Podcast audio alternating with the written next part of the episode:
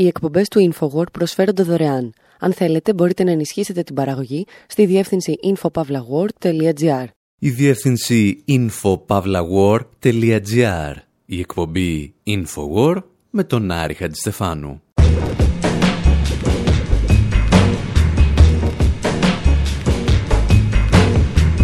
όπου σήμερα βάζουμε κάρβουνα στο μπάρμπεκιου για να γιορτάσουμε με μια πολύ μικρή καθυστέρηση την 4η Ιουλίου, την ημέρα της Αμερικανικής Ανεξαρτησίας. Υποπτευόμαστε ότι ο πρόεδρος Ντόναλτ Τραμπ είναι τόσο εθνικιστής και ημιφασίστας που κινδυνεύει να κάνει την Αμερική σαν την Ελλάδα, τουλάχιστον σε ό,τι αφορά τις στρατιωτικές παρελάσεις. Αναρωτιόμαστε γιατί χτυπιούνται και οδύρονται οι πιο προοδευτικοί άνθρωποι στις Ηνωμένες Πολιτείες για κάτι που συμβαίνει κάθε χρόνο και στη δική μας χώρα. Το ότι βγάζουμε τα άρματα μάχης στους δρόμους. Και ύστερα διηγούμαστε μερικές ακόμη ιστορίες για αμερικανικές σημαίες και άλλα έφλεκτα σύμβολα της αμερικανικής ιστορίας.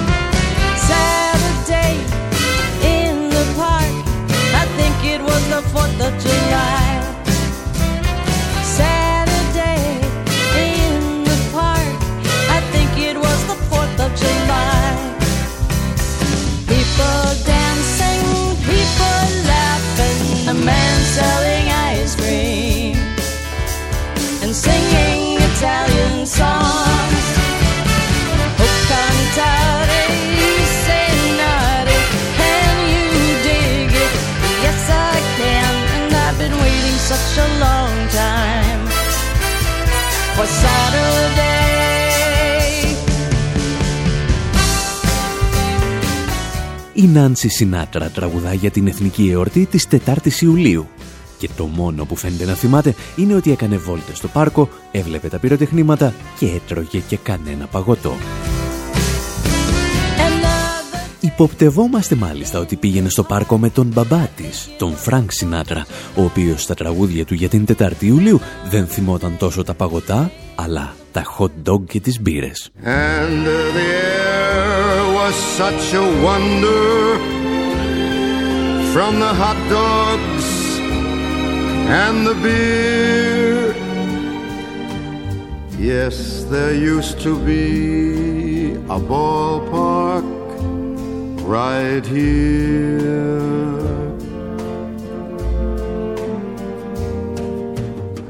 Αυτό είναι λοιπόν το πνεύμα με το οποίο έχει συνδέσει κάθε Αμερικανός πολίτης την 4η Ιουλίου.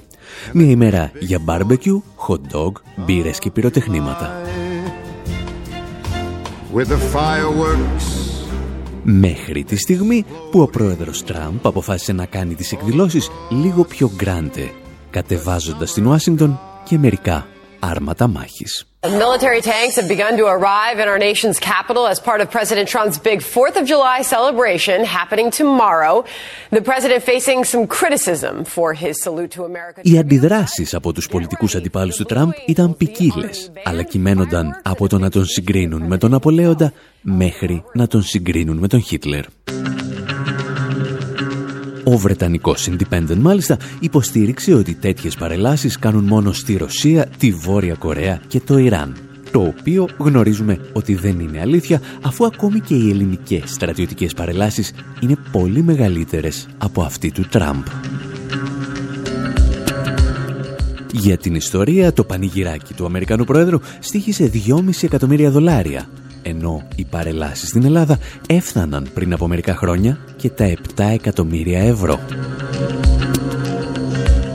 Αν θυμάστε μάλιστα, μία φορά που δεν είχαμε λεφτά ούτε για να κουνήσουμε τα άρματα μάχης, προσφέρθηκε να μας τα φουλάρει ο Βαρδής Βαρδινογιάννης.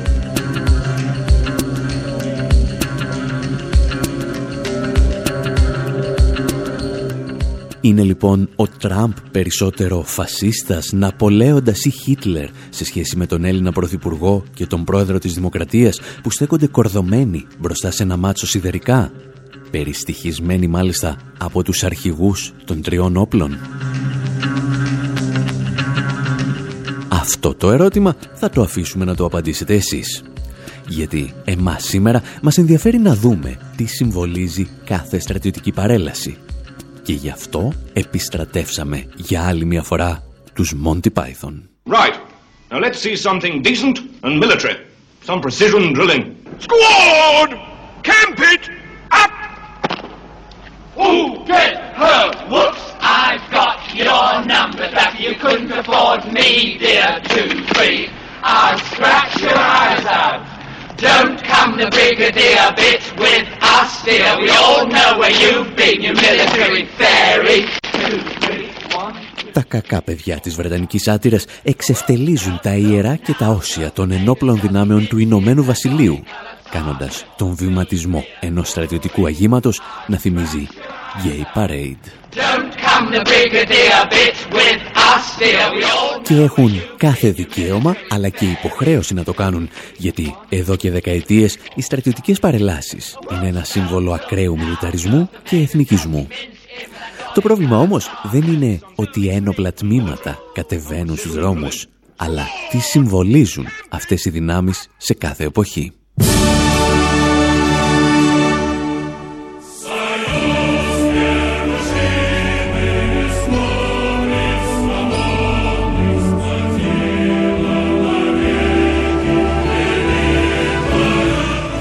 Στη Σοβιετική Ένωση, λόγου χάρη, οι στρατιωτικές παρελάσεις μετά το Δεύτερο Παγκόσμιο Πόλεμο ήταν αρχικά μια υπενθύμηση της μεγάλης νίκης απέναντι στο φασισμό. Καμία σχέση δηλαδή με τις μετέπειτα επιδείξεις στρατιωτικής ισχύως του ψυχρού πολέμου και της μετασοβιετικής Ρωσίας.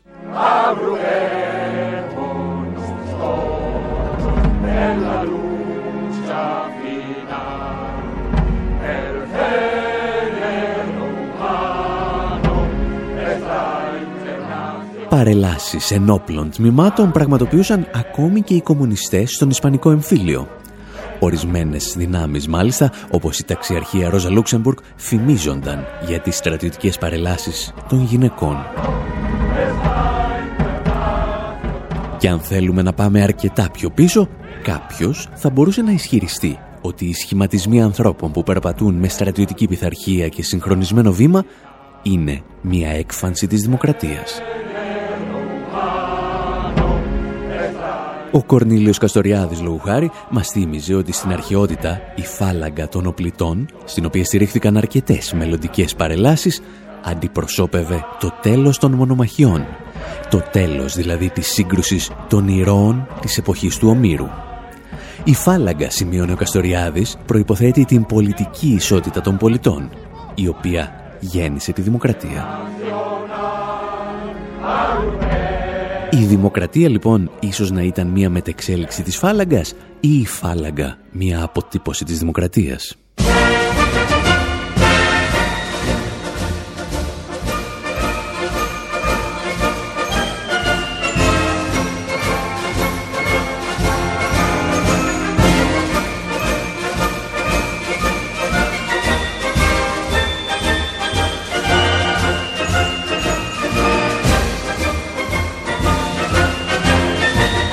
Οι σημερινές παρελάσεις βέβαια δεν έλκουν την καταγωγή τους τόσο από την φάλαγγα των Ελλήνων οπλιτών όσο από τις αυτοκρατορικές παράτες της Προσίας και στο μυαλό αρκετών φέρνουν και λίγο από την ναζιστική Γερμανία. Όπερ με θερμινευόμενον για να συνοψίσουμε, το πρόβλημα δεν είναι αν παρελάβουν ομάδες ενόπλων, γιατί αυτό μπορεί να το έκαναν και οι μαύροι πάνθυρες ή οι μαχητές του Ισπανικού εμφυλίου. Σημασία έχει τι συμβολίζει μια στρατιωτική παρέλαση για κάθε κοινωνία σε κάθε συγκεκριμένη χρονική στιγμή. Ο συγγραφέας και blogger David Swanson, λόγου χάρη, πίστευε ότι η πρόσφατη παρέλαση του Τραμπ έχει στοιχεία φασισμού, γιατί αυτό ήταν και είναι το κυρίαρχο πνεύμα στις Ηνωμένες Πολιτείες. I do think it's a step Πιστεύω ότι αποτελεί ένα βήμα προς μια επικίνδυνη φασιστική κατεύθυνση. Δεν παραβιάζει όμως το πνεύμα της 4η Ιουλίου. Σε καμιά περίπτωση δεν έρχεται σε σύγκρουση με τις δυτικές αρχές των ΗΠΑ, οι οποίες δημιουργήθηκαν με βάση τον πόλεμο, τον υπεραλισμό και τη δουλεία. Ούτε έρχεται σε σύγκρουση με τις σημερινές αξίες της Αμερικής. Απλώς είναι πιο αληθινό και πιο ειλικρινές. Αν πραγματοποιήσει περισσότερους πολέμους από όσου μπορείς να μετρήσεις, αν και οδοσκοπεί χωρίς ντροπή από τα όπλα, γιατί να μην τα παρουσιάζεις και στο κοινό σαν με διαφήμιση κατά τη διάρκεια μιας φασιστική παρέλαση στην Ουάσιγκτον.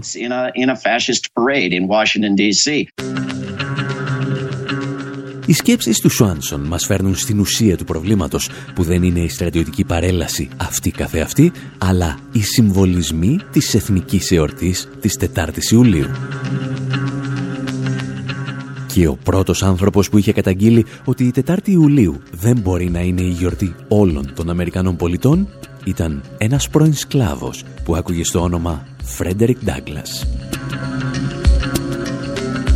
Θα αφήσουμε τον Αμερικανό ράπερ Τζερού Ντενταμάχα να κάνει την εισαγωγή και θα επιστρέψουμε για να διηγηθούμε την ιστορία εκείνου του σκλάβου.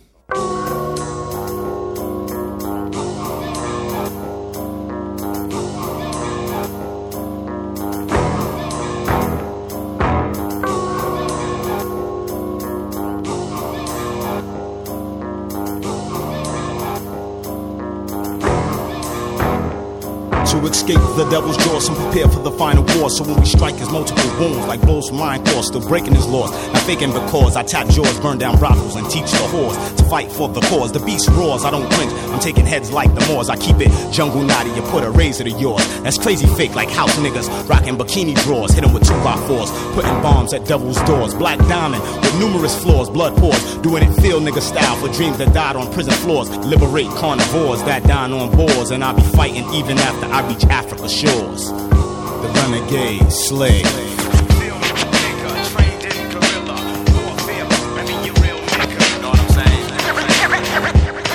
Weak lions surrender their crowns, avoid the battleground. I storm the plantation, take mass ahead and burn his house down. Homebound, pitch black, don't make a sound. Renegade slave flip and fire a rip through your town. Satan heart pound, used to smile. Now we frown. House slaves run around like clowns, holding Whitey down. No more whipping and raping. I'm shooting clansmen hit the ground. So much blood on the scene, those left face down, drown. Listen close, cause the meaning is profound. The beast is on my heels. I boogie like James Brown. Keep a low pro, communicate underground, cause no devil alive can scan my sound. The renegade slave.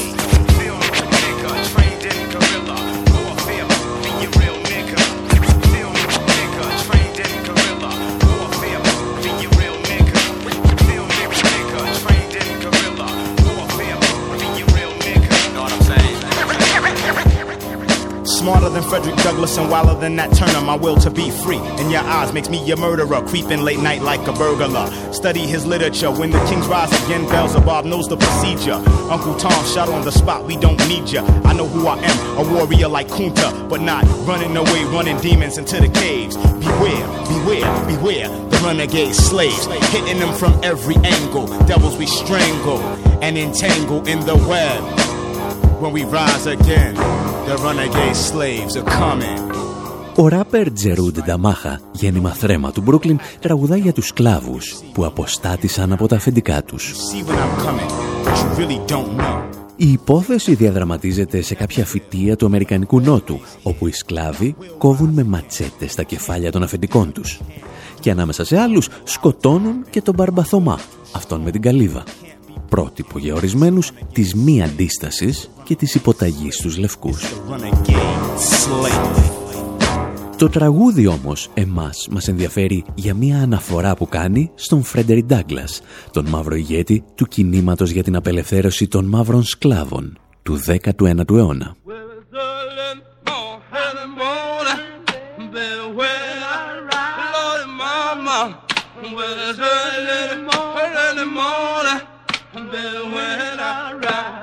But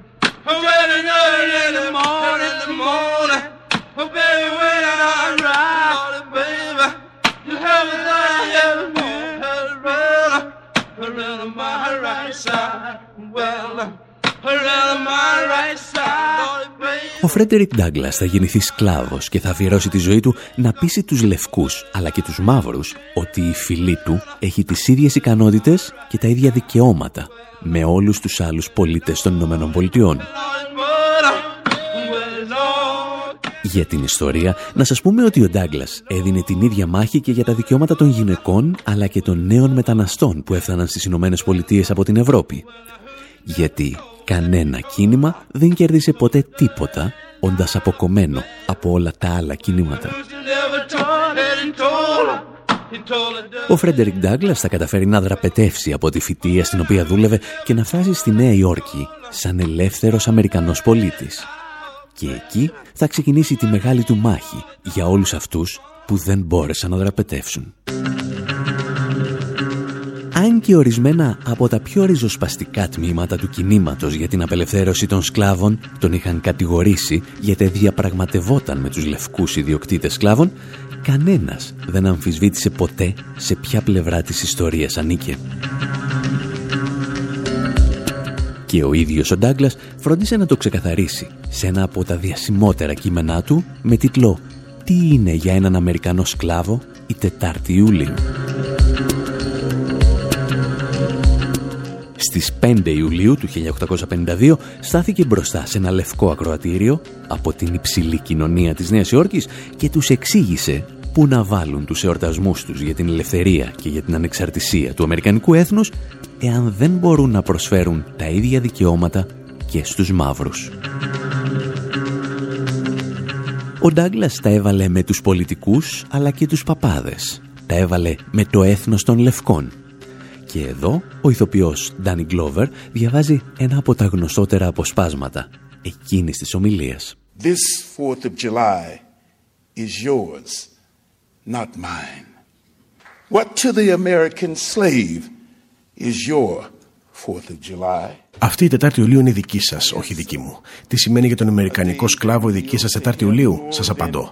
Είναι η μέρα που το αποκαλύπτει όσο καμία άλλη μέρα την βαριά αδικία και την βαναυσότητα την οποία αντιμετωπίζει διαρκώς. Γι' αυτόν η γιορτή σας είναι μια απάτη. Η ελευθερία για την οποία υπερηφανεύεστε είναι ένα ανίερο δικαίωμα. Το μεγαλείο του έθνου σας αποτελεί τη μεγαλύτερη ματαιοδοξία. Η χαρά σας είναι γι' αυτόν κενή περιεχομένου και άκαρδη. Η καταδίκη της τυραννίας αποτελεί ύβρι.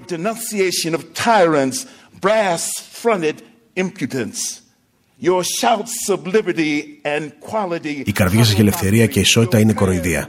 Οι προσευχές σας και οι ύμνοι σας μαζί με όλες τις θρησκευτικές πομπές σας είναι γι' αυτόν απλός θόρυβος. Απάτη και εξαπάτηση. Ασέβεια και υποκρισία. Είναι ένα πέπλο με το οποίο προσπαθείτε να καλύψετε εγκλήματα τα οποία θα έκαναν ακόμη και ένα έθνος πρωτόγονο να αισθάνεται ντροπή.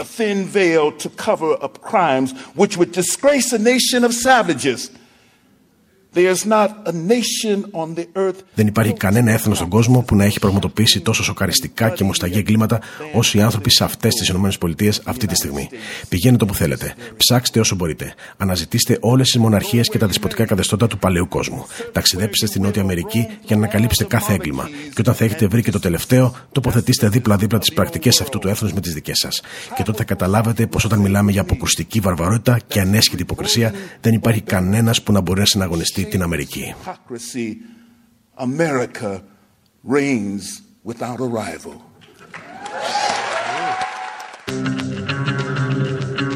Αυτά έλεγε λοιπόν ο Φρέντερικ Ντάγκλας για την εθνική εορτή της 4ης Ιουλίου.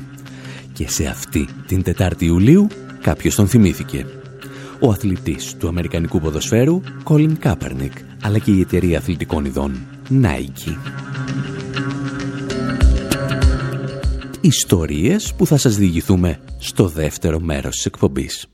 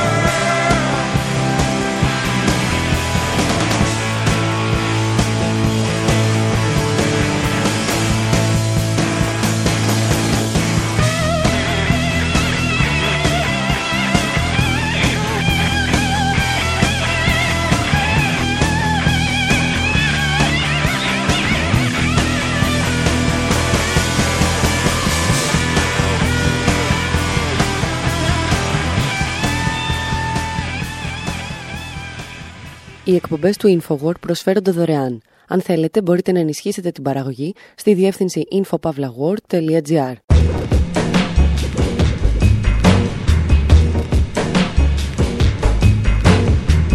Εκπομπή InfoWord, μέρος δεύτερο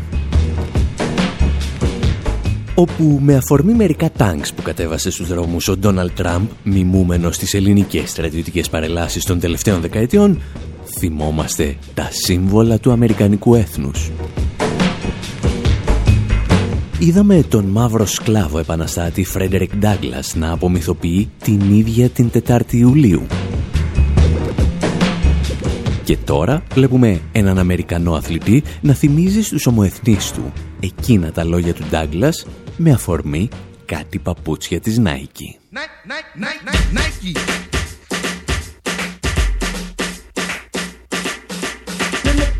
I'm for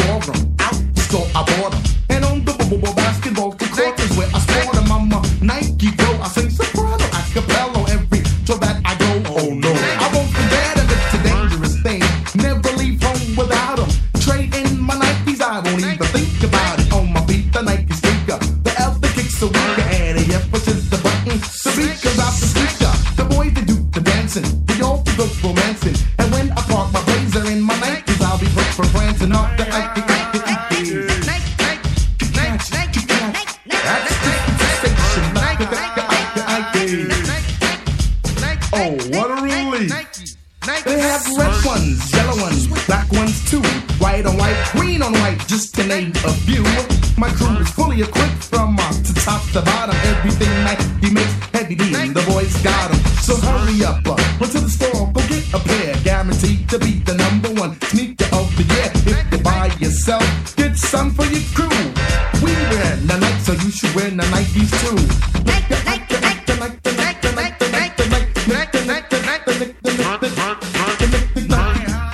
Heavy D and the Boys παρουσιάζουν έναν ύμνο για τα αθλητικά παπούτσια της Nike.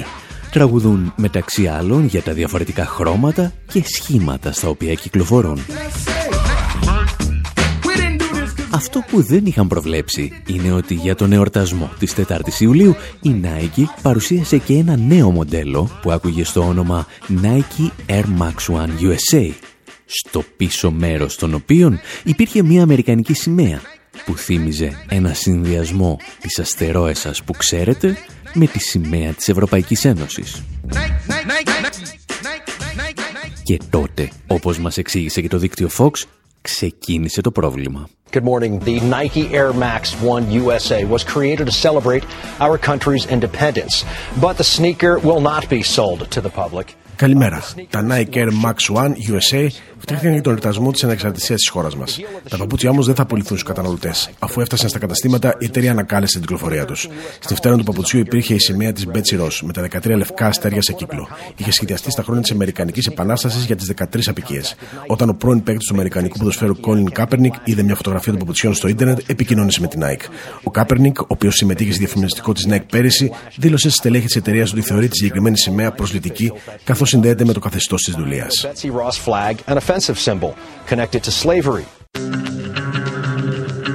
Ο Κάπερνικ είχε απόλυτο δίκιο γιατί η συγκεκριμένη σημαία, η λεγόμενη Μπέτσι Ρος, είναι πράγματι συνειφασμένη με τα χρόνια της δουλείας στις Ηνωμένες Πολιτείες. Το ενδιαφέρον της ιστορίας όμως είναι ότι η Nike αντέδρασε άμεσα στη διαμαρτυρία του και απέσυρε τα παπούτσια. Και εδώ βρίσκεται η μαγεία του αμερικανικού καπιταλισμού. Παρακολουθήστε πως μια εταιρεία η οποία κατηγορείται ότι χρησιμοποιεί παιδιά σκλάβους στην Ασία ανταποκρίθηκε στο αίτημα ενός μαύρου αθλητή εναντίον της δουλείας. Καταρχήν προσέλαβε τον ίδιο το Κάπερνικ πριν από ένα χρόνο για ένα διαφημιστικό της μήνυμα και έτσι είδε τα κέρδη της να αυξάνονται σημαντικά. Kaepernick, who transitioned from football player to activist, last played in 2016, initially was thought to be a dangerous choice by many for. Ο Κάπερνικ, ο οποίος από αθλητή στο Αμερικανικό ποδοσφαίρο έγινε ακτιβιστής, θεωρούνταν απορρισμένο σε μια επικίνδυνη επιλογή για διαφημιστικά της Nike. Μόλις ξεκίνησε όμως η συγκεκριμένη καμπάνια, οι πωλήσει εταιρεία εκτοξεύτηκαν. Η ζήτηση στην Κίνα αυξήθηκε. Στο τέλος του τελευταίου τετραμήνου του 2018, οι πωλήσεις έφταναν τα 10,8 δισεκατομμύρια δολάρια. Φέτος η συμμετοχή της εταιρείας ανέβηκε κατά 15%.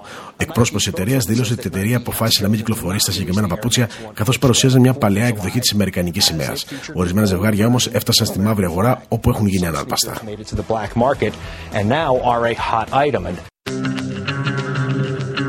Ο Κάπερνικ λοιπόν αναγκάζει την Nike να αποσύρει τα παπούτσια με τη ρατσιστική σημαία, αλλά ο καπιταλισμός παίρνει την εκδίκησή του στη μαύρη αγορά.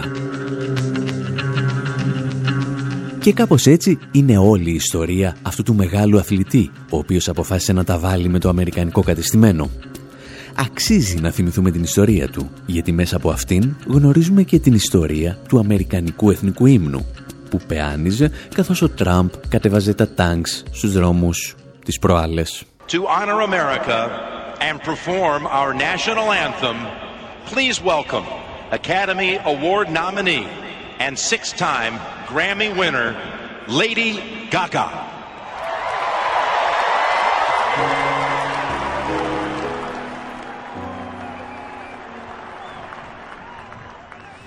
Oh, say, can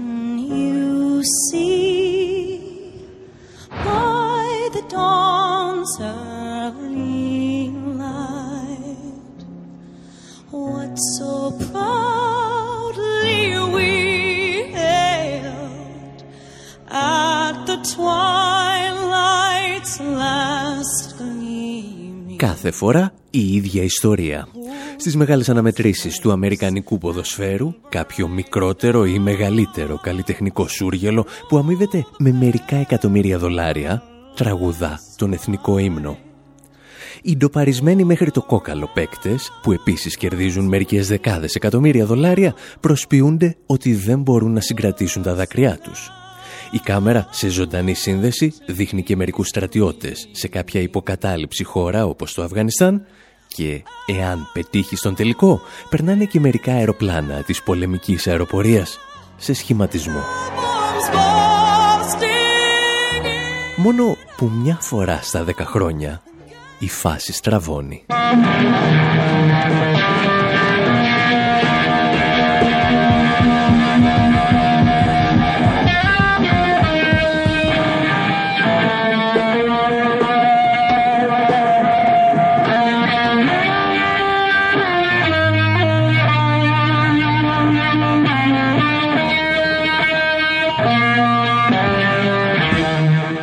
2016 ένας αθλητής αρνήθηκε να σηκωθεί στον εθνικό ύμνο και ύστερα το έκανε ξανά και ξανά, προκαλώντας πανικό στα αμερικανικά μέσα ενημέρωσης. This morning, the spotlight on football star Colin Kaepernick for taking a stand Σήμερα όλα τα φώτα στρέφονται στον αστέρα του Αμερικανικού ποδοσφαίρου Colin Kaepernick, ο οποίος ύψωσε το ανάστημά του αρνούμενος να σηκωθεί στον εθνικό ύμνο. Ο αθλητής των San Francisco 49ers παρέμεινε καθιστός κατά την ακρόαση του εθνικού ύμνου σε τρεις αγώνες. Όπως είπε ο ίδιος, διαμαρτύρεται με αυτόν τον τρόπο για την παναυσότητα της αστυνομίας απέναντι στους Αφροαμερικάνους. Όπως δήλωσε στη συνέντευξή του, δεν πρόκειται να σηκωθεί για να τιμήσει τη σημαία μιας χώρας που καταπιέζει τους μαύρους ανθρώπους και τους ανθρώπους διαφορετικού χρώματος. Για μένα, συμπλήρωσε, αυτό είναι σημαντικότερο από το ποδόσφαιρο και θα ήταν εγωιστικό να μην κάνω τίποτα. Ορισμένοι οπαδοί το στηρίζουν, άλλοι δηλώνουν εξοργισμένοι.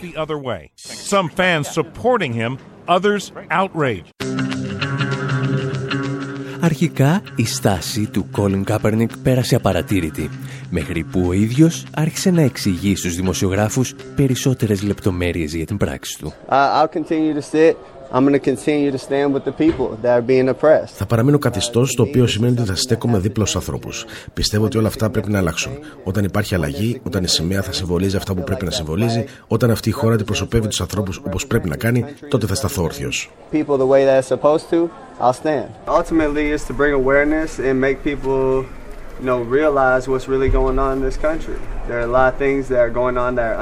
Στόχος μου είναι να ευαισθητοποιήσω τον κόσμο, να τους δώσω να καταλάβουν τι πραγματικά σημαίνει σε αυτή τη χώρα.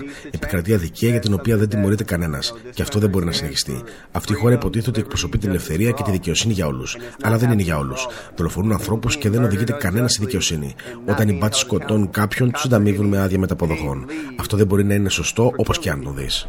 That's not right. That's not right by anyone's standards.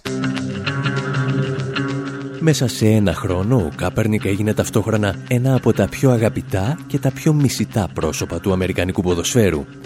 Και η καλύτερη στιγμή για να βεβαιωθείς ότι έχεις προσελκύσει το ενδιαφέρον ολόκληρης της Αμερικής είναι να δεις να σε κοροϊδεύουν στο South Park. Colin Kaepernick is brave. Cops are pigs, cops are pigs. Wait, someone just took my stuff. I need to call the cops. Oh no, I just said cops are pigs. Now who's gonna help me get my stuff? Why did I listen to Colin Kaepernick? He's not even any good. Στο διαφημιστικό βίντεο για τον 20ο κύκλο επεισοδίων του South Park, ένα ολόκληρο γήπεδο τραγουδά «Η μπάτσι είναι γουρούνια και ο Colin Kaepernick είναι σπουδαίος». Τουλάχιστον αυτό λένε στην αρχή, γιατί στη συνέχεια το κοινό στρέφεται εναντίον του. Δεκάδες ακόμη αθλητές στις Ηνωμένες Πολιτείες ακολούθησαν τους τελευταίους μήνες το παράδειγμα του Κάπερνικ μένοντας καθιστή ή γονατιστή στην ανάκρουση του εθνικού ύμνου. Και ύστερα ήρθε και η σειρά του Ντόναλτ Τραμπ να τοποθετηθεί με τη γνωστή εφράδια ενός Αμερικανού Προέδρου. Well, I have uh, followed it and I think it's uh, Παρακολούθησα την ιστορία και πιστεύω ότι δεν είναι καλό πράγμα. Είναι πολύ κακό πράγμα. Ίσως πρέπει να βρει μια χώρα που να τον βολεύει καλύτερα. Ας τον αφήσουμε να προσπαθήσει.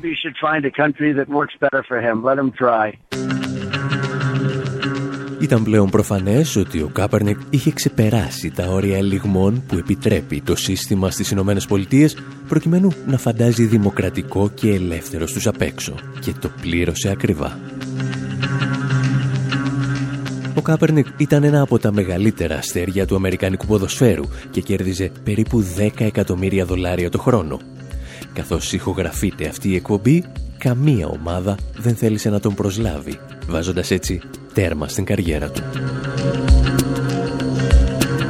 Εμείς κάνουμε ένα μικρό διάλειμμα με ένα από τα πολλά τραγούδια που γράφτηκαν τον τελευταίο χρόνο για τον Κάπερνικ και επιστρέφουμε για να δούμε γιατί μια τέτοια κίνηση είχε τόσο μεγάλη σημασία.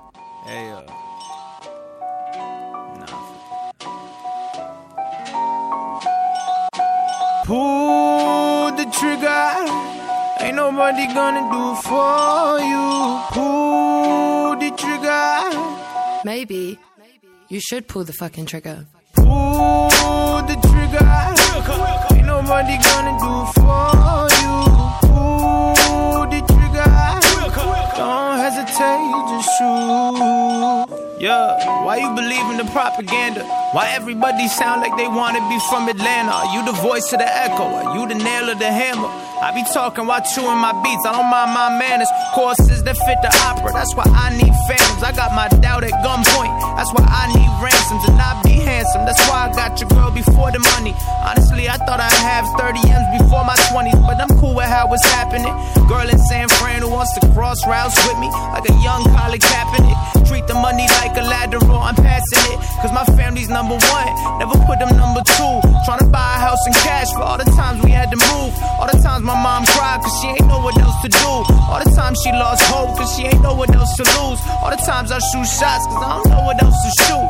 Ooh, the trigger. Ain't nobody gonna do for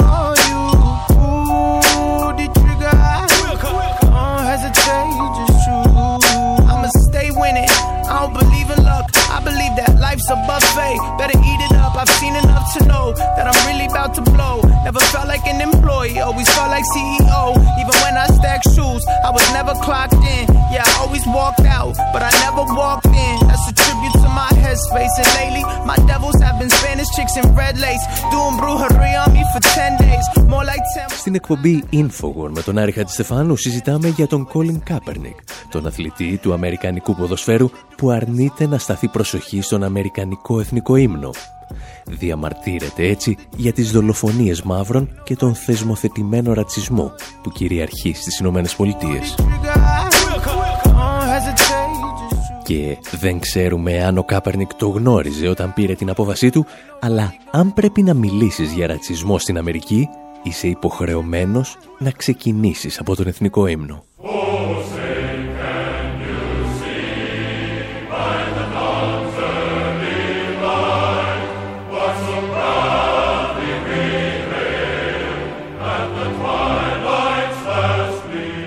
Το πρώτο πρόβλημα με το συγκεκριμένο εθνικό ύμνο είναι ότι δεν τραγουδιέται με τίποτα αν δεν κάνεις τη γλώσσα σου κόμπο ή αν χάσεις έστω και μία αναπνοή.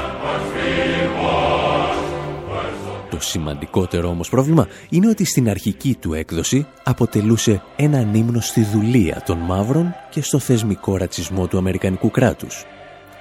Οι στίχοι γράφτηκαν στις 14 Σεπτεμβρίου του 1814 από έναν δικηγόρο που νόμιζε ότι ήταν και ποιητής, τον Φράνσις Σκοτ Κι. Γράφτηκαν για την ακρίβεια κατά τη διάρκεια της μάχης της Βαλτιμόρης. Και επειδή σε εκείνη τη μάχη ορισμένοι μαύροι πολέμησαν στο πλευρό των Βρετανών, οι οποίοι τους υποσχέθηκαν την ελευθερία τους, ο Φράνσις Σκοτ Κι δεν τους το συγχώρεσε ποτέ. Για αυτόν ακριβώς το λόγο, όπως θυμήθηκαν αρκετοί Αμερικανοί δημοσιογράφοι με αφορμή την υπόθεση του Κάπερνικ, κανένας πλέον δεν τραγουδάει την τρίτη στροφή. Normally, we don't read uh, or sing the entire uh, Star Spangled Banner before these games. Κανονικά δεν διαβάζουμε ούτε τραγουδάμε ολόκληρο τον εθνικό ύμνο πριν από τους αγώνες.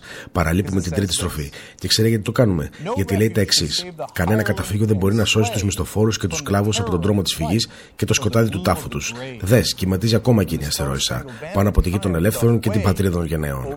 Όταν λοιπόν ο Φράσε Σκοτ Κι μιλούσε για τη γη των ελεύθερων, δεν αναφερόταν στους μαύρους, αλλά στους λευκούς. Επίσης, αν αναρωτιέστε αν ο Φράσε Σκοτ Κι είχε σκλάβους, η απάντηση είναι φυσικά και είχε. Why, yes he was. Και αν εσείς αναρωτιέστε πώς θα πήγαινε ο εθνικός ύμνος αν τραγουδούσαν και την τρίτη ρατσιστική στροφή, ακούστε και θαυμάστε. No refuge could save the hireling and slave from the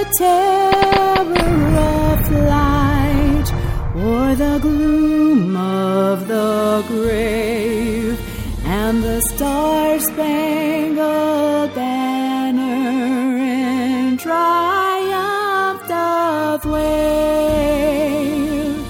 o'er the land of the free and the home of the brave.